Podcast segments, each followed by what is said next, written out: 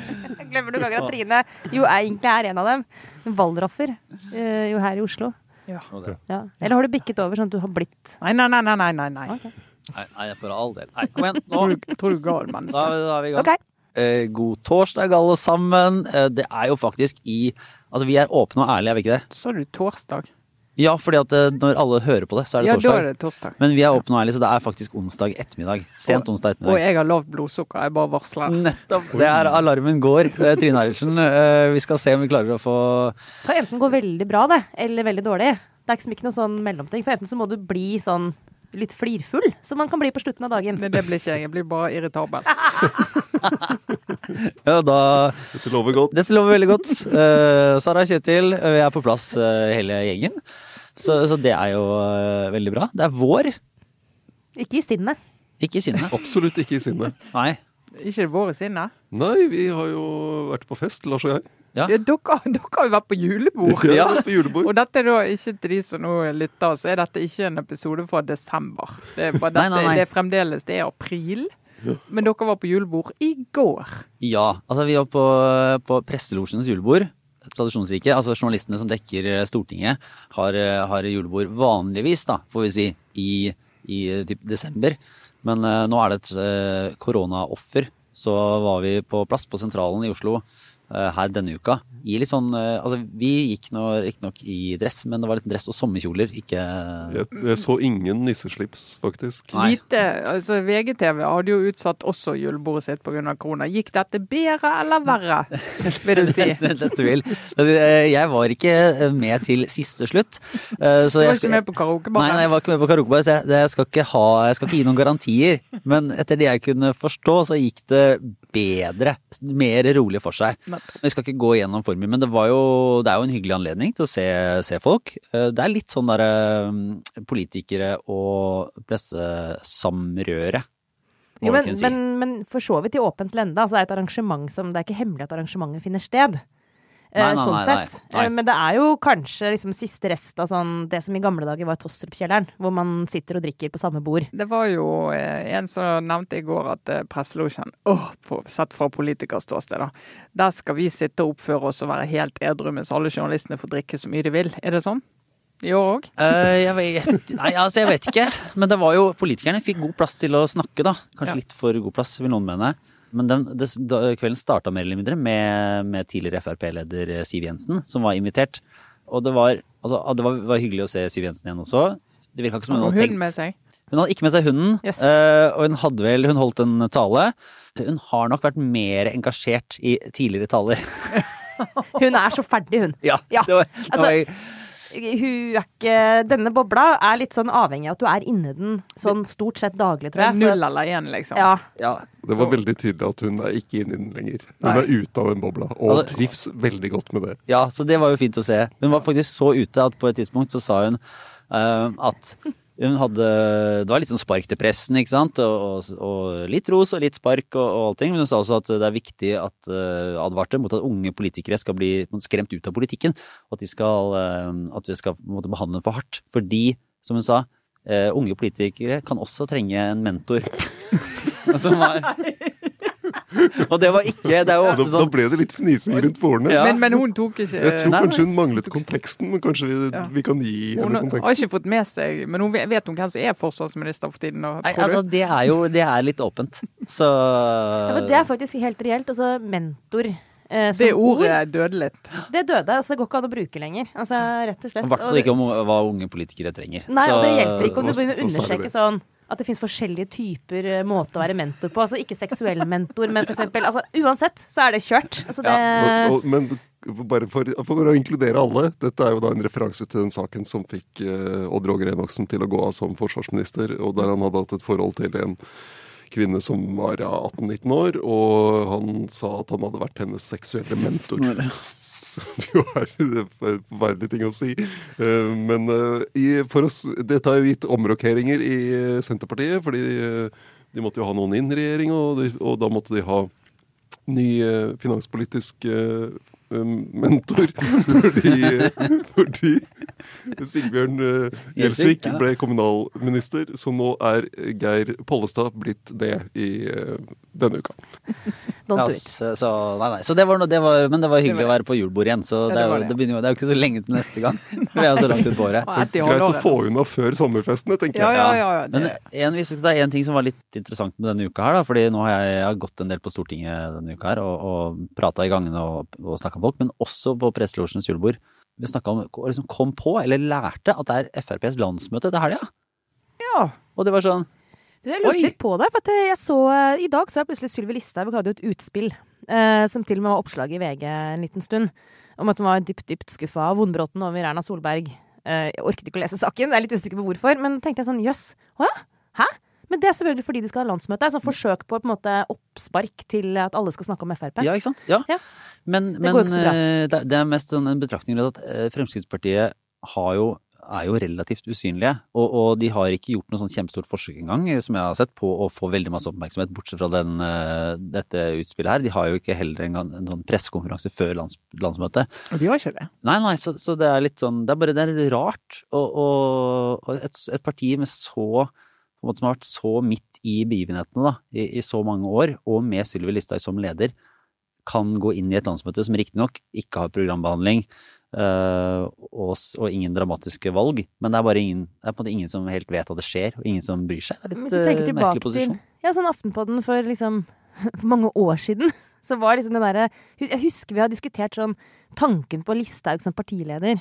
Var sånn, Tenk om det skjer, og hvordan det vil endre norsk politikk. Og, eh, liksom, vet, jeg tenkte sånn, det, et, det kommer til å være et tidsskille i norsk politikk hvis hun blir partileder i Frp. Det kommer til å være en helt annen sti altså, Jeg tenkte det kom til å være liksom um, sånn, ja, virkelig et tidsskille i norsk politikk. Basert på at hun kom til å være mye hvassere og liksom mm.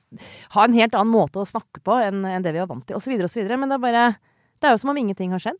Det er Men- helt umerkelig. Men det er jo da, hvis en skal trekke fram noe som faktisk, som jeg mener er oppriktig spennende, og som det var, også er mange på Stortinget som lurer på om kan komme, det er jo om Sylvi Listhaug kommer til å bruke den anledningen til å måtte tegne et sånn tydeligere bilde av hva hun nå vil med Fremskrittspartiet. Mm. Ja, om det skal bli Vil de, vil de inn i regjering igjen? Eller er, er det sånn Vil de ikke det? Altså, det er jo en del sånne avklaringer som, som uh, ikke har vært veldig tydelige, og som uh, potensielt kan bli det. da, Og som vil si litt om man liksom beveger seg i hvilken retning partiet faktisk går i.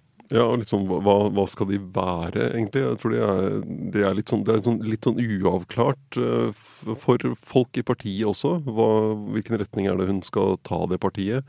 Uh, sånn som i, i debattene i vinter, så har de jo lagt seg ekstremt tett på rødt i, i løsninger og argumentasjon rundt strømpriskrisen. Uh, Det er veldig langt unna et parti som tror på markeder og, og den slags. Det, skal de være der? Og i debatten nå om jordbruksoppgjøret, som, eh, så har de jo, er de jo veldig på tilbudssiden til bøndene, i motsetning til hva de normalt er. Og hva, hva betyr det at de skal ha bønder nå i ett år fordi det er eh, en litt spent sånn matsituasjon i verden, og så skal de legge ned mye av det neste år? Eller hva, hva, er, hva er egentlig prosjektet til Frp? Skal du dit, eller? På landsmøtet? Jeg skal ikke dit, men også, også, øh, og så har de jo De har jo på en måte hatt mange saker i vinter som kunne gitt dem en opptur. Med, med, og, de jobber jo med det nå, med disse økte kostnadene for familier og, og sånt. Men de har fått litt lite uttelling av det for det nå foreløpig. Men de har hatt økt lite grann i det Ja. siste. Paradoksalt nok så gjør de det jo helt ålreit på målingene, gjør det ikke? Eh, Nei, altså egentlig ikke. Hvis du, de gjorde jo et dårlig valg, og de har flyttet seg veldig lite fra det uh, i, eh, etterpå. Uh, og så har det vært en uh, veldig tung vinter for Senterpartiet i regjering. Eh, men de har en liten økning nå i april, så vi får se om det kanskje løsner litt for dem. Rødt sliter jo litt mer, så er det kanskje noen velger, Og så er det jo ja, spørsmål om hvilke velgere som trekker seg ut og inn av Men Det er interessant at ikke de tjener mer på Senterpartiets nedtur, da. Ja, på målingene. Ja, men det er jo veldig mange av de som er skuffet over regjeringen. De har jo gått til høyre, eller de har gått enda mer til venstre. Eh, og så kom krigen. Eh, og da går de, da går de sier de ok, det var ikke så gøy med Rødt og sånn akkurat nå, eh, men de holder seg jo da mye hos Høyre, sant. Så det er i hvert fall, ja, det er det kommer vi til å følge med på, da. Om Sylvi Listhaug vil uh, gi en sånn, tegne opp et sånn, en visjon for partiet videre. Eh, for det er liksom at, jeg vet ikke om lufta har liksom gått litt ut av den derre nasjonalkonservative internasjonale bølgen, eller er det og- Et veldig, veldig lite øyeblikksbilde. Altså, verdensbildet har jo endret seg òg, sant. Det er jo en del av den der eh, nasjonalt orienterte, når vi nå plutselig står nå, Frp har et veldig eh, stødig forhold til Nato, det er ikke det, men altså EU ligger jo der og plutselig er et tema, og vi snakker om EU som enhet og land i EU, og den enheten de kan være i en, eh, i en ny og vanskelig verden. Eh, Så er det jo ikke så vanskelig å kjøre, altså ikke så lett å kjøre beina på en litt sånn nasjonalkonservativ agenda akkurat nå. Jo, Eh, Og de flyktningene som kommer, de, de har jo alle veldig mye sympati med.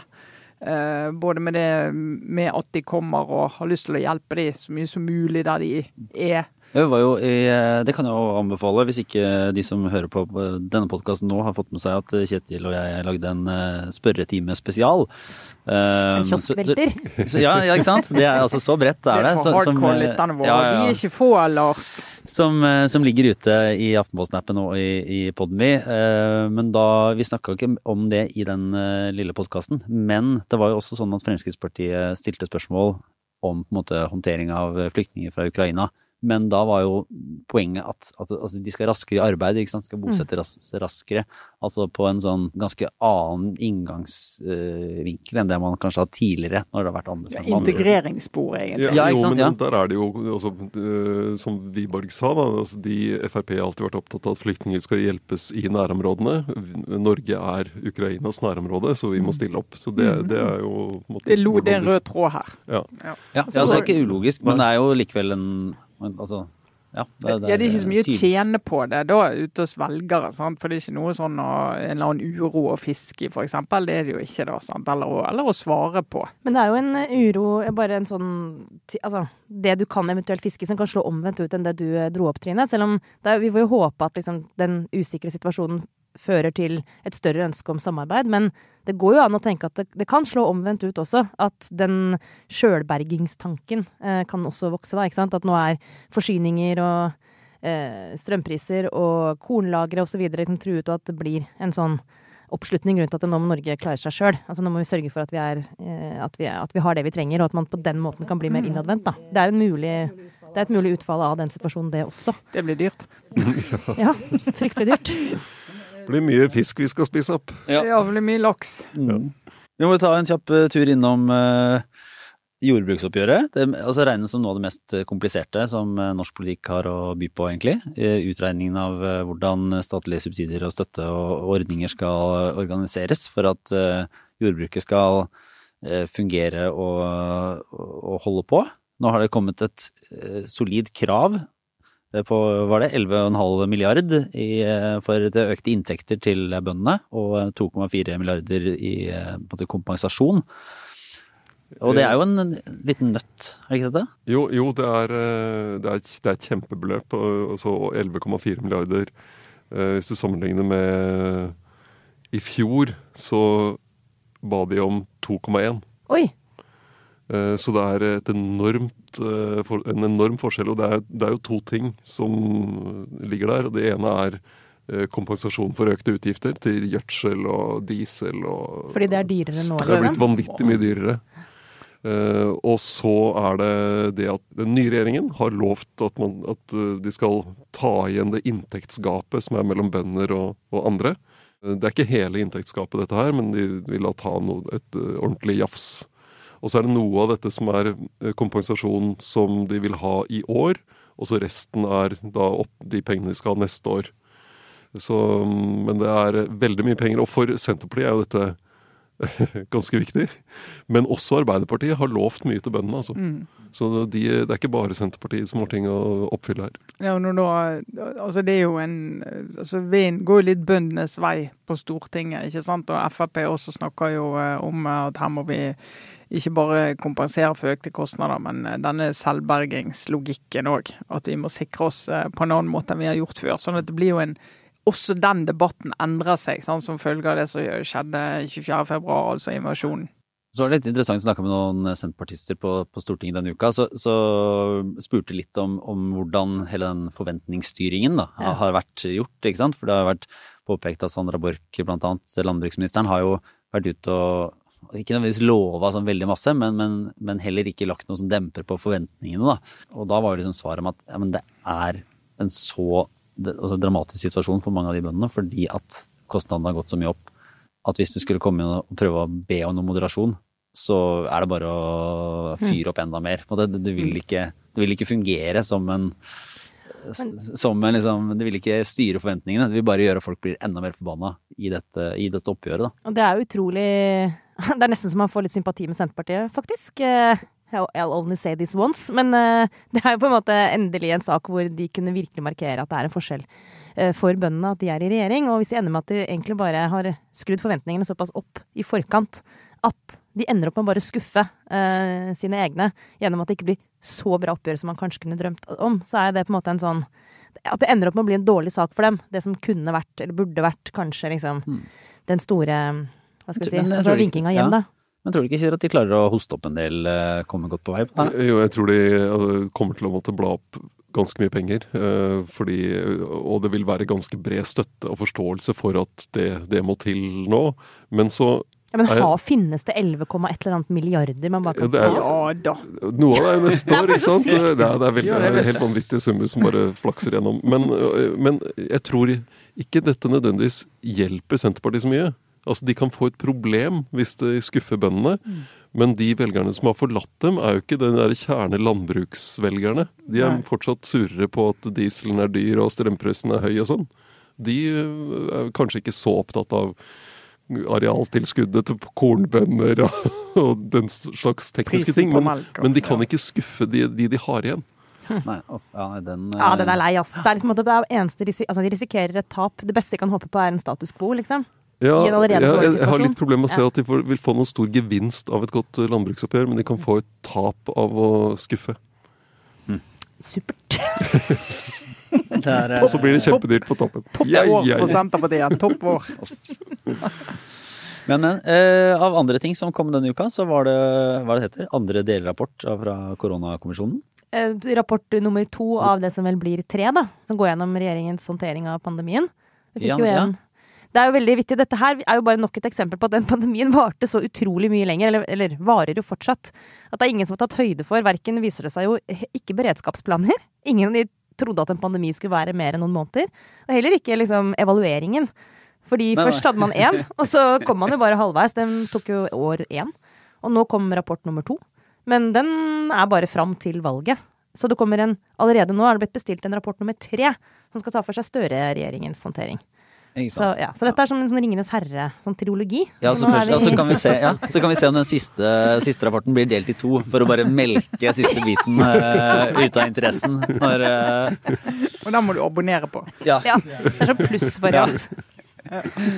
Men det var, men det var Må jo få med seg slutten. Ja, Hvordan gikk det egentlig? Nei, det er en interessant, jeg synes det er en interessant uh, altså, det er en rapport fordi at det åpenbart er et sånn historisk viktig del av av, eh, hvordan, eh, av norgeshistorien og hvordan eh, staten klarte å håndtere en helt sånn enormt vrien situasjon. Og peker på også vansker med det. Mm. Men det er heller ikke så veldig lett å se noen sånne store politiske konsekvenser Nei, Nei. Jo, nei, kanskje ikke, ikke, partipolitiske, i hvert fall. Men den er jo ganske krass. Eller det er liksom sikkert veldig irriterende når du har håndtert det, for den er jo litt sånn Mye gikk kjempebra. Det står i innledningen sånn Norge klarte nest... Altså, kanskje er vi det landet som håndterte det best av alle.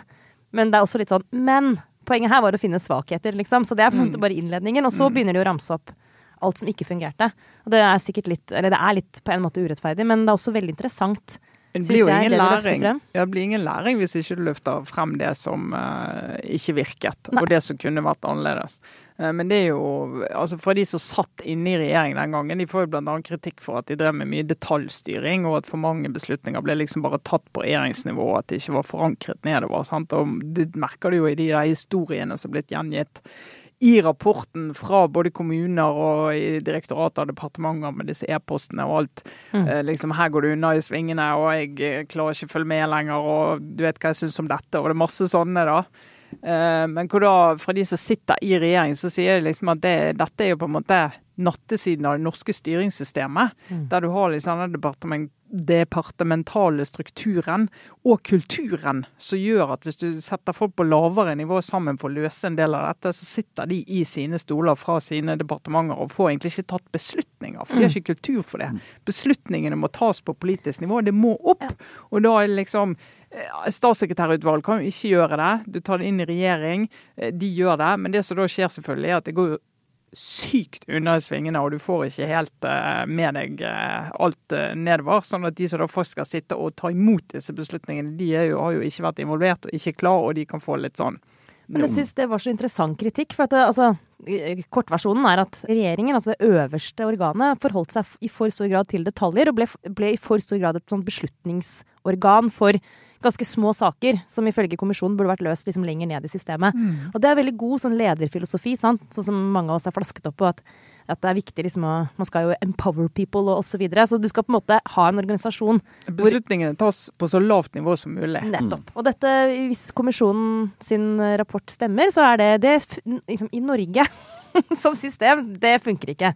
Eh, det systemet lenger ned er ikke rigga for å ta beslutninger i på en måte raskt nok. Nei, Det er jo et konstitusjonelt ansvar der. Sånn, sånn at ja. Hvis du er innenfor ett område og så tar du en beslutning og sier nå, nå stenger vi grensen sånn og sånn, eh, så er det plutselig en statsråd der som har ansvar for det. Mm. Og så da gjerne vil ha snakket litt med en del andre om det sant, før du, før du gjør det. Men det er jo litt interessant. Ja. Erna Solberg var jo ganske sånn klar på at nei, det mener jeg er feil. Jeg har, vært ja. i, uh, vært, jeg har så mye erfaring at jeg vet at dette ville gått saktere hvis noen hadde gjort det. Og det, det, er jo interessant at den debatten kommer litt sånn åpent, men det er jo også et Altså man har fått liksom analyser eller folk som har snakka om Erna Solbergs lederstil, eller liksom opp, positive og negative sider ved henne som leder, så har det jo vært noen som har påpekt at hun er litt sånn detaljstyrende. ikke sant? Hun går mm. dypt inn i sakene og alt mulig rart. Ehm, men hun mener vel åpenbart at det er liksom riktig, kanskje. Men, men lurte litt på om det speila det som har vært en, en liten sånn innsigelse mot hennes kanskje måte å, å lede på oss tidligere, da. Jeg tror kanskje at hun Eller jeg, likte, jeg, liker litt at hun er sånn Jeg syns det er kult at hun er sånn Dere må gjerne mene det, men jeg er ikke enig. Ja, ja, da, hun, er jo ikke en uvesentlig kilde når de skal snakke med de som skal evaluere. Men samtidig det er jo, det er jo utrolig viktig hva de syns rundt og i de systemene. Men det som jeg tenker må komme ut av det, da, det jo, du må jo diskutere, da. Har du et system som er rigget for en krise? Mm. Altså har du det, eller, eller, bruker du da bare det systemet du har, og så eh, har med sine feil og mangler og styrker. Eh, og så skal du løse en problemstilling som er helt unik over lang tid innenfor det systemet du har, eller bør du liksom ha et sånt krisesystem? Og så vil noen si ja, hver krise er unik, så du må ha et system for det og et system for det. Men altså, 22. Eh, juli, eh, da var det jo disse her eh, forsvar, justis, blålys fors og hvordan du skulle bruke Forsvaret, hvordan skulle disse jobbe sammen. Funket det ikke? Blitt mye bedre. Men du måtte liksom ha den krisen før du klarte å se at disse klarer egentlig ikke å snakke sammen. Mm. Og hvis man sitter i en situasjon hvor det faktisk ikke er mulig å ta beslutninger eller få til eh, samarbeid. Sånn som i en pandemi hvor veldig mye ligger mellom departementene. Sant? Mange problemstillinger er du, må egentlig gå på tvers. Det er, det er, litt, jeg tenker, det er en grunn til å tenke at altså, det er relevant kritikk hvis det viser seg at det er umulig, sånn at det øverste organet må ta liksom, alle avgjørelser. Det er klart at det, det, det gir jo ikke mening. Det, det er ikke bra for verken eh, tempo eller eh, heller eh, Hva skal vi si at du kan, i hvert fall, fall hevde da, at hvis du sitter at det, er, at det er regjeringen som må håndtere for mange saker, så blir også for mange saker politikk. Eh, men, men en, sak som, en, sak som, ble politikk, som de da får kritikk for, eh, det var jo det med å fordele yes. vaksinedoser eh, på en måte som gjorde at de områdene som var hardest rammet og der smitten var høyest, fikk det tidligere. Sant? Og Det var jo en sånn vurdering av at hvis vi gjør det, Eh, så får vi liksom resten av landet mot oss. Eh, og bare det den diskusjonen den gangen husker vi jo så vidt nå, for det mm. virker så lenge siden. Eh, men den gangen du snakket om skal Oslo og en del av de områdene der som er så rammet av smitte, akkurat nå skal de få mer vaksiner tidligere. Så var det liksom sånn Ja, men hva med syke og andre i resten av landet? Ja, hva med de? Men hva altså, med ordføreren i Molde? Ja, sant. Det var jo den gjengen der. Og det gjorde jo at de ventet for lenge med å gjøre det. sant? Og det sier jo kommisjonen at det skulle de ikke ha gjort. og Det å liksom kunne mm. si da at vet du hva, det er en faglig vurdering, ren faglig vurdering. Vi gjør det, og så stå i det. Det mener jeg er en kritikk som de i hvert fall bør ta. da. Og samme skole. Men ja, det det- må og den, den, den og pri, og prisen for det betalte jo da særlig Ja. barn og unge, særlig i de områdene med litt ymse levekårsutfordringer, Nettopp. som måtte leve med strenge tiltak mye lenger enn de kanskje ellers ville gjort. Og det mener jeg er utrolig relevant kritikk, og der mener jeg mange av de skal bare tenke det var en stor, stor feil. Der er det jo én statsråd som kommer godt ut. Ja! Jeg har lyst til å sende en hilsen til eh, friend of the pod. Jeg våger meg å kalle han det. Jan Tore Sanner. For han er liksom the unsung hero i denne historien, i mine ikke helt objektive øyne. riktignok ikke lykkes Unsung også fordi, fordi det ikke gikk, da. Men det kom jo frem at han tok jo til orde for eh, å følge FHI sine veldig klare råd om skjevfordeling av vaksiner. Mens Bent Høie eh, var uenig, og han vant gjennom. Eh, og jeg leser mellom linjene her, med mine øyne så ser jeg på en måte at Sanner ser logikken. Og, og det åpenbare, riktige, i å helle på vann der det brenner.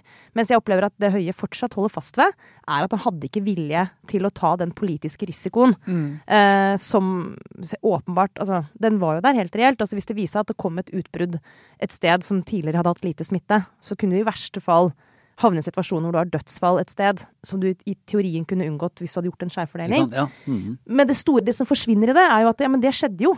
Det er bare at det skjedde i Oslo og Viken. sant? Og, det var, og, og det er ikke, der var det ikke politisk vilje til å gå inn. Og det kommer det frem her at Jan Tore Sanner han tok til orde for det, tapte. Men nå syns jeg det er på tide å gi han liksom sånn Det var, eh, det var godt kjempa, Jan Tore, Ja, ja. siden du tapte. Ja.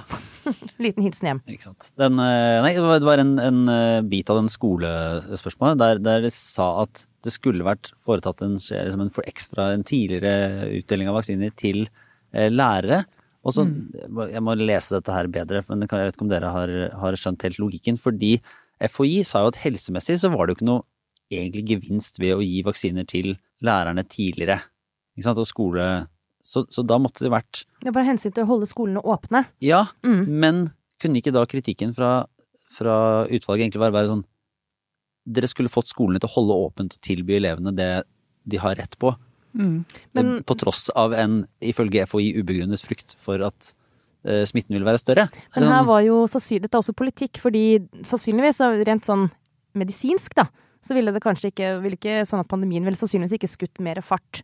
Som vi kunne sannsynligvis holdt skolene åpne mer uten at det ville fått effekt på, eh, på smittetallene. Ja. fordi at det var ikke det som ble, det var ikke det som var den store smittekilden. Det var liksom i, i familiene. At, Men politisk så ville det Altså Lærerorganisasjonene var jo for å stenge, ikke sant? fordi at deres medlemmer ikke hadde den beskyttelsen som vaksinen ga. Så at sånn sett så ville det kanskje Det er veldig kontra kontrafaktisk. ja, ja. ja. Liksom, hvis du hadde vaksinert lærerne, så ville du kanskje fått med deg lærerorganisasjonene også på å holde skolen åpen. Det ville gjort det enklere politisk å holde skolene Ja. åpne. Så det er det som framsto som en litt sånn men eh, med forbehold om at jeg må lese dette bedre, så framsto det som en litt sånn politisk vurdering fra det utvalget på, på Ja, men realpolitisk, da. Altså, hva skulle ha altså, vi, de, de konstaterer at det gikk utover barn og unge i for stor grad. Annet fordi skolene stengte. Ok, Hva kunne vi gjort for at skolene skulle vært holdt åpne? Og da trekker de vel fram det som et eksempel på at det kunne vært en medvirkende årsak da, til, ja. til å holde det åpne. Så det er en veldig komplisert materie, materie, og det er en blanding av faktisk smittevern og politikk. Og det er ikke til å unngå at det blir sånn. Jeg tror vi går videre til, eh, til en runde med obligatorisk refleksjon. Fordi jeg har en, en anbefaling som, så, som passer så fint inn med akkurat denne skolespørsmålet og ungdommen. Som er en podkastepisode eh, fra This American Life. eh, som er episode nummer altså 764. De har holdt på en stund, men den er fra mars nå i Det er bare jeg har somla litt med anbefalingen. Men som handler nettopp om amerikanske skolevesenet og konsekvensene av pandemien der. For der har jo skolen også vært stengt mye lengre, og det var mye mer fjernundervisning. Og de har jo egentlig holdt på med altså, har, Der var det i hvert fall politikk. Ja, ikke sant. Og det har vært masse sånne altså munnbind helt fram til nå, mer eller mindre. Eh, Men de eh, i, i This American Life så lagde de da en episode om det altså hvordan folk endrer synet sitt på skole fordi at man har vært så lenge borte fra den. da. Så lærere som slutter fordi at de ikke opp, altså det har vært så slitsomt eller oppleves ikke like meningsfylt. Og elever som på en måte mister troen på at de trenger å være en del av et, en fellesskole. Og ikke bare en fellesskole, men en, sånn, altså en sosial skolesetting. Og de har, det er kan noe av det mest sånn provoserende jeg har hørt på, på kjempelenge, denne episoden. For de følger en, en mor og en datter, altså en alenemor med en vel ni år gammel datter, som sliter da helt reelt med at eh, hun, datteren må jo ha hjemmeskole mens mora er på jobben. Og hun prøver en stund med barnevakter og sånne ting, men så ender det opp med å innføre et slags overvåkningssystem. For hun setter opp kameraer og liksom høyttalere, så hun kan snakke til datteren sin som er hjemme, mens moren da er på jobb. Eh, Litt sånn catcam, bare på barnet, da. ja. Ja. Uh, Hmm. Og så, som i sånne solide overvåkningssamfunn, så ender det jo opp med at begge på en måte blir liksom institusjonalisert, da. Så begge blir jo egentlig fornøyd med det her etter hvert. Eh, Du trenger ikke gå på skolen. Nei, ikke sant, trenger ikke gå på skolen, for det var egentlig så kjekt å bare være, ha fjernskole og ha eh, stemmen til mora gjennom hele dagen, da. Mm. Så, så er det et par twist, men den er uh, sabla god. Hvem er det som skal gå i gang nå? Er det jeg? Er det du? Begynn, Kjetil. Ja, jo, Ja. men eh, ja, jeg tenkte på egentlig Vi var jo på julebordet, Lars, og så Ja. kommer du og setter deg. Sier du vi, vi kan ikke snakke om Borgen sesong fire. Ja, Og så, Det utløser jo at alle begynner å snakke om Borgen sesong fire. det var en sosialt vanskelig vanskelig. manøver. Du sa det på bordet. Ja. Holder du sett det unntatt deg. Ja, og så, så var jeg som brakte på banen at det her kan vi ikke snakke om, for jeg visste, jeg visste at dette kom til å komme opp. Don't mention the war. Ja, ikke sant? At, ja, da, Eh, Og jeg, jeg har heller ikke sett hele, sånn halvveis inne og anbefaler den veldig sterkt. Skal ikke spoile noe som helst, men her har vi Dette må vi diskutere Ja. i samfunnet. Altså, Ja. Når kan man begynne å snakke fritt om en ny sesong av en serie? Av en serie? Hvor, Ja, som ikke alle, altså, jeg har jo sett den ferdig. Jeg også. Så jeg Så mener at hvis, eh, dere holder for ørene nå Som vi kvitt dobbelt i gamle dager. Det var sånn musikk på øret. ja. Men altså, dette, Kjetil, synes jeg er helt takknemlig for at du tar opp dette temaet. For at det her må vi egentlig bli enige om. Altså, det går ikke mer. Altså, jeg mener at liksom, det går utover den offentlige samtalen. Du må At vi forvente at folk har sett Ja. Borgen nå. Det, jeg her, det er her du skal bringe inn Habermas. Ja. Nå skal jeg, jeg vet ikke om noen eh, kom i skade for, eh, for noen år siden i denne poden og måte Jeg sa et eller annet om at Habermas snur seg i graven. Og han viser seg er jo ikke død. Men Habermas er fortsatt 92 år gamle Habermas. Ja. Men altså, mannen bak liksom, begrepet den borgerlige offentlighet uh, som har brukt, dedikert et langt liv på liksom, å bry seg om eh, liksom, hvordan vi skal få den offentlige samtalen. Diskursen. Diskursen til å virke. Og hadde han vært i stand til å skrive, kanskje han fortsatt skriver. Men egentlig, Kanskje han har skrevet om det her det allerede? undrer meg at ikke Habermas har tatt ansvar for sånn Ville han spoilet sesong fire i Borgen? For hva, hva du taper i den offentlige, det offentlige rommet når vi må sitte på hendene våre og ikke kan snakke om ting av så høy kvalitet bare fordi enkelte, sånn som Lars Glomnes, bare er så treig. Holder på med sesong tre? Ja, men jeg mener at altså, Kan vi ikke være enige om at, at det er en slags sånn derre frikort man har i samfunnet? Og si at den TV-serien, eller i og for seg den boka, den må dere bare vente med. Nei. Er det ikke bedre sånn? At man har en slags sånn at det er, Hva mener du? Nei, at, at, at det er, det er en, en eh, Man har det som en slags privilegium inni en samtale å si at det er ikke et tema. Nei, Jeg har ikke det sett. ikke så, og, og, da må du bare forholde deg til det. Hvis du er en gjeng da som møtes kanskje to ganger i året, og plutselig er du der, og det er de du liker best å snakke med, og så er det én som sier der, som har sittet Ja, og sett hva vet jeg, Game of Thrones og et eller annet med drager i. Ja. Men, Og sier men, 'du kan ikke snakke om det, for jeg er ikke ferdig'. Ja, men da sier jeg 'da må du ta en tur på do'. Ja, men er, ja, okay, Ja. Forslag. Hvis man eh, har eh, kan, Vi kan bli enige om et sånn amnesti. Altså sånn hvor lenge Altså type hvor mange uker. Kan si sånn to uker etter at en eh, for eksempel sånn serie har hatt premiere. Vi kan holde oss i to uker, og så det er deadline. Det er vanskelig at noen har jo et liv ved siden av å se på TV. Ja, Nei, men altså, de Det handler om prioriteringer. Men hør da, de fleste serier er det jo ikke sånn. De fleste serier ser jo vi litt sånn rundt omkring og løst og fast. Men det er jo noen serier som er litt sånn agendasettende. Det er liksom som å si at du skal se eh, fotballkampen eh, Manchester City og hvem det nå var de spilte mot i går, om to uker. Real Madrid. Ja. Det er litt sånn. Ja, altså, jeg, Jeg er skjønner, det, er jo- det, det er jo, jeg skjønner jo argumentet, men det er jo ikke riktig. Det er jo ikke Det er jo forskjell på en eh, En altså, nyhetshendelse. en- Ja, Ja, men dette er jo en Det nyhetshendelse. akkurat det. Borgen 4 er en, er en Det nyhet. Og nyheter, de er ferskvare. Altså det, det er det som er. Altså det, sorry. Jeg Du kan ikke spoile Dagsrevyen, for jeg har ikke sett den ennå. Ikke, jeg har ikke sett denne sesongen Da, sesongen Nei. Men jeg er villig til å gi Lars, og også våre en uke kjære til, lyttere er ja. slutt. Hvis det er noen der ute som ikke har sett Borgen 4, jeg er villig til å altså, i raushetens navn En uke til. Ja, en uke til. Men jeg vil, jo også, jeg vil jo være med på den samtalen. Jeg vil bare ha den når jeg kan Du vil ikke at de andre skal bli ferdig med den? altså, alle er lei av å snakke Ja. om Borgens 4 når du ok. Men for uh, en liten anbefaling i tillegg. Ja. Uh, vår søsterpod, Aftenpodden i USA, en, har en episode denne uka om polariseringen i USA. Og hvor, hvor vill den er, og sammenligne med europeiske forhold og forskjellene. Så med da kommentator Kristina Pletten og korrespondent Øystein Langberg, så de som ikke følger den fast, de bør sjekke ut den. Virkelig. sterkt. Ja, ja, ja. Ja. var er det med deg, Trine? Nei, jeg, jeg hadde jeg veldig dilemma i dag eh, hva jeg skal snakke om. Men jeg kommer til å snakke om begge deler før eller siden. Men jeg måtte altså velge mellom Nato-debatt i Finland og Sverige og eh, dronning Elisabeth.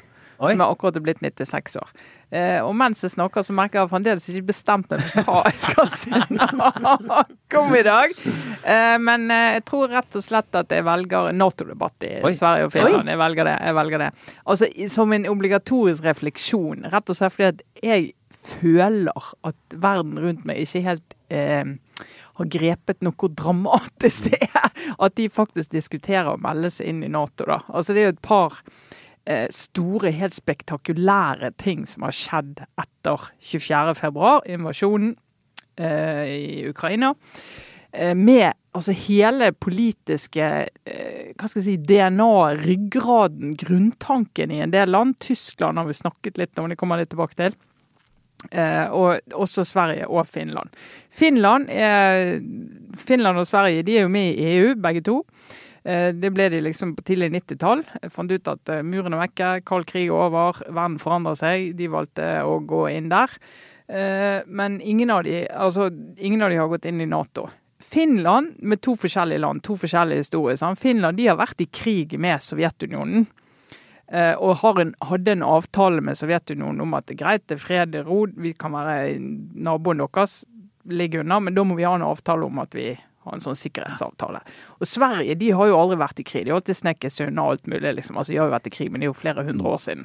Så de har liksom sittet der og lunket og vært sånn Vi er nøytrale.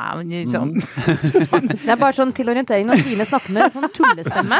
Så på østlandsk så er det alltid Ja, nedlatende ment. Det var det svensk forrige gang. Var det dansk? Så jeg bare sier Ja, ja, er, bare altså, du er et europeisk menneske. De venter på finsk. Venter meg i Ja, jeg skal til ja, Det kan jeg bare si. Hun finske statsminister hun er ganske populær i Sverige. Hun går ut med sånn MC-jakke, kommer på statsbesøk og Ja, de snakker om det. De Hun ser ja. rett og slett ufattelig kul ut. Det ser veldig hot si. ut, det må jeg Ja. bare si. Eh, Men eh, Sverige de er nøytrale, og de har liksom en, en annen type sånn begrunnelse for å ikke være med i Nato. Men det har vært en sånn Altså Det er som om du skulle satt i gang en EU-debatt i Norge i februar med tanke på at vi skulle melde oss inn i juni. Mm. Altså Det kan du sammenligne det med. Det er såpass jordskjelv hele den debatten for dem. Og nå diskuterer de det, og nå er det også snakk om at disse landene sammen For de sier vi eh, må gjøre ideelt sett det samme. Kan gjøre ulike ting, men vi bør helst gjøre det samme. Så 17. mai er liksom eh, spekulasjonen. Nå vil de komme og si at her er vår søknad til å bli medlem i eh, Nato. Det er jo, det er jo et jordskjelv. Det er det. Og så er det veldig interessant den forskjellen på debatten i de to landene. Der Finland har en sånn hva er best for eh, vår sikkerhet eh, nå?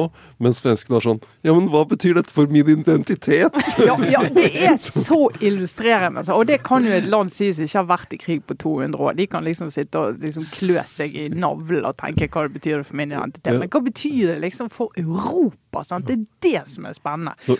Og det, høres- det høres sånn Nato-motstandere, de som har vært og fortsatt er i Sverige, snakker masse da om hva Nato har gjort i Afghanistan, hva Nato har gjort i Libya.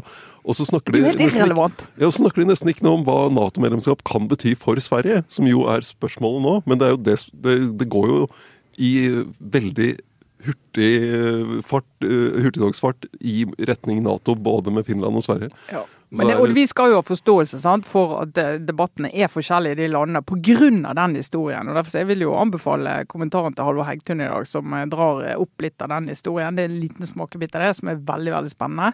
Eh, Men så nevnte jeg i starten av dette lille innlegget her, da, så nevnte jeg jo det andre landet som vi, som, der det har vært et politisk jordskjelv sant, som følge av eh, 24.2, og det er jo Tyskland. Og Da vil jeg anbefale en artikkel i New York Times. Nå vet jeg at den krever sannsynligvis abonnement, men jeg vil anbefale likevel, hvis du skal ta et prøveabonnement på New York Times, kan du gjøre det når du skal, skal lese en artikkel der, eh, der de forteller litt om historien om Gerhard Schrøder, tidligere kansler, forgjengeren til Angela Merkel, og forteller egentlig om relasjonen mellom eh, Russland, tidligere Sovjetunionen, og Tyskland, Øst-Tyskland og Vest-Tyskland hele etterkrigstiden og frem til i dag igjen må fortelle hans historie. Hans politiske historie. Men han er liksom nesten i ferd med å bli cancela, han. Ja, han er litt sånn, Han er, han, er, han er kansellert av sitt eget parti, og han er jo nå, altså han har jo styreverv i Rosneft og flere av de er Gazprom og de store russiske energiselskapene. Han regner Putin som en personlig venn. Eh, og så kan du si hvordan er det mulig? Og eks-kansler i Tyskland de har jo eget kontor i, i nasjonalforsamlingen til evig tid med et liten stab og lønn. Eh, sånn at de, de liksom, skal få lov å fortsette sitt politiske virke. De, det er bare lagt ned. Eh, De ingen som vil jobbe for han der. Partiet hans tar veldig avstand fra han. Han har også vært kansler i Tyskland i en periode der du hadde veldig god økonomisk vekst i Tyskland. Du fikk gjort masse med arbeidsliv som var viktig for hans parti. Altså Han hadde et godt ettermæle egentlig, og så har han liksom eh, rotet seg mer og mer inn i dette. Så kan du tenke hvordan kunne han gjøre det? Men når du leser historien om han, så forstår du veldig godt hvordan han kunne handle der. For historien om Gerhard Schrøder er egentlig historien om Tyskland og Tysklands relasjon til Tyskland, nei, til Russland. Og nå står han der med liksom buksene nede, sett med manges øyne. Men for mange i Tyskland så er ikke det rart i det hele tatt at han er der han er, og at den relasjonen finnes der. Men den, eh, vi, del, vi Vi deler til, den. eh, Vi deler den. en, Og så eh, kan jeg da som en teaser kan jeg få lov òg å dele det nye bildet som ble sluppet av dronning Elisabeth på 96-årsdagen. det, det skal vi kunne få til. For det bildet er fantastisk. Der står hun mellom to, som det står i bildeteksten, ponies. Hun er jo bitte lite menneske, så det ser ut som to kjempesvære hvite hester. Hun er jo et hestemenneske, ære være. Holder, holder disse to hestene, og der står det lille, bitte lille mennesket som altså har vært dronning i 70 år. Der står hun og holder de hestene, og det er det offisielle bildet av hun i forbindelse med 96-årsdagen. Jeg elsker det bildet! Håper hun er her, så vi rekker å snakke ordentlig om det også om en Den, eh, en uke eller to. må ikke du spoile den sesongen av The Crown, da. Nei, nei. Jeg kommer tilbake til eh, Lilibeth, det kan jeg bare si. Nå klarer jeg ikke å få det bildet av eh, herr og fru Carter ut av hodet. Ja. Der, Denne regjeringssjefer og konger og sånn som er sånn det, Små. helt, det er helt vilt. Det tror jeg vi har delt på Facebook en gang. Med, med hva er det, altså, Det er Biden og altså, herr og fru Biden som Ja. besøker The Carters. ja, med litt sånn uh, fish eye-vinkel. Ja. annet med vinkelen og allting, så ser det ut som det er sånn hånddukker. Det ser ut som Carters er de der lånerne, hvis du husker Ja. serien.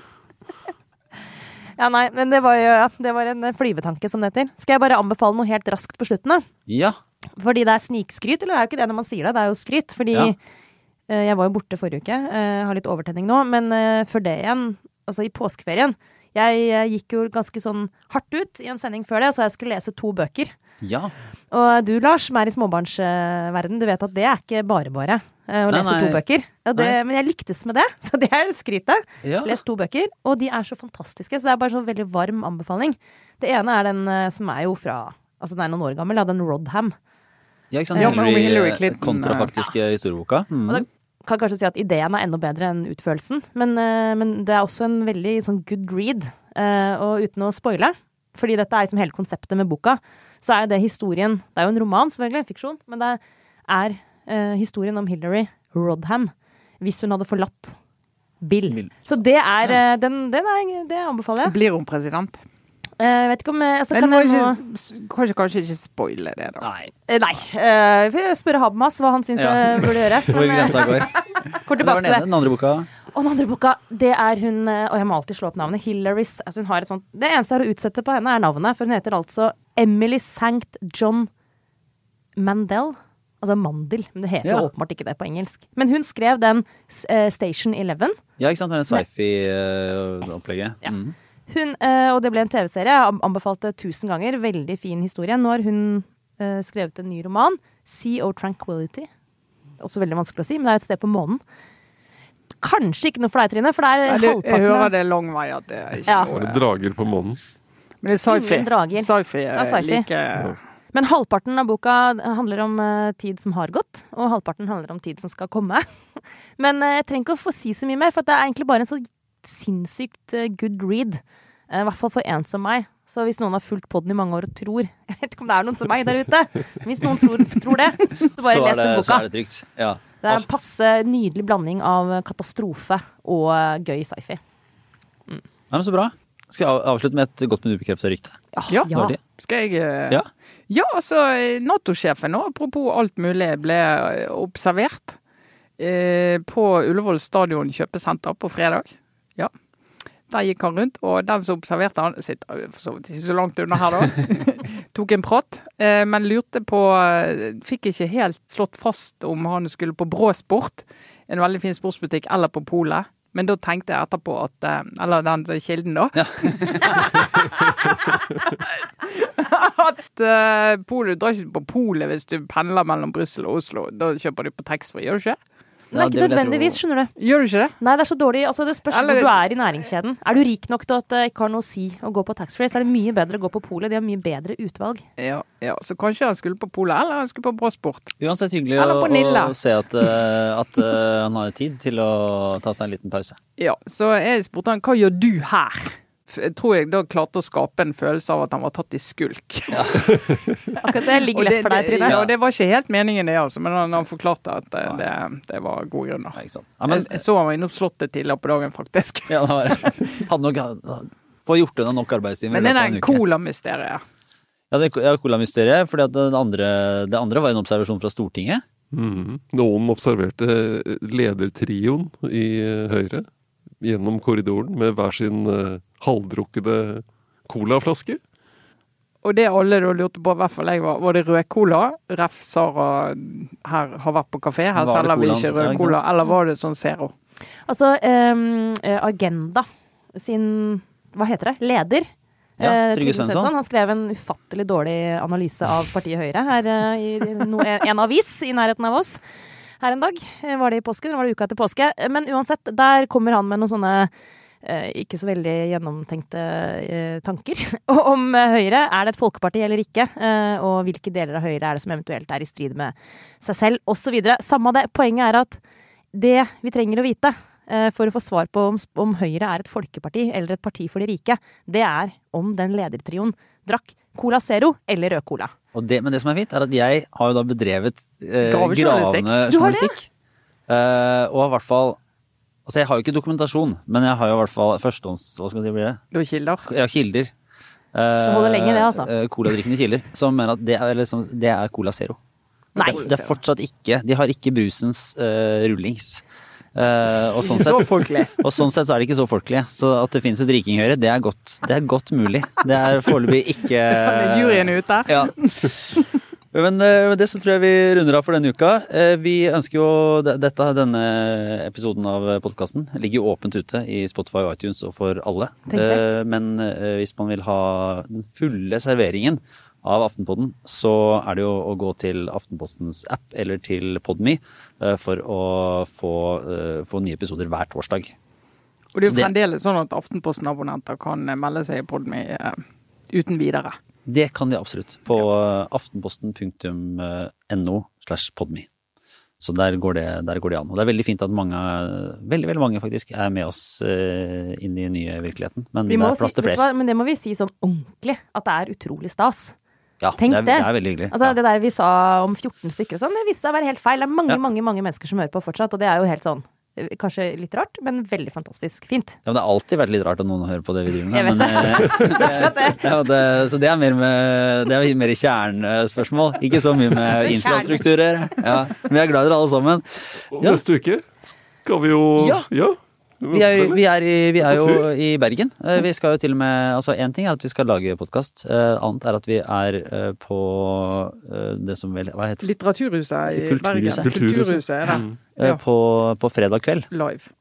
Så eh, det ligger også en eh, lenke i nyhetsbrevet og på Facebook til muligheter. Det er sånn førstemann til mølla på billetter der. Så jeg vet ikke helt hvordan det ser ut. Men, eh, men vi ønsker jo da at eh, så mange som mulig selvfølgelig kommer. Og ta, sitt, Kom og ta imot sin store datter, Trine ja det, ja, det er jo på sin plass. Sin store tante. Ok, nå runder vi av. Tusen takk for nå. Ha det bra. Det var Aftenposten.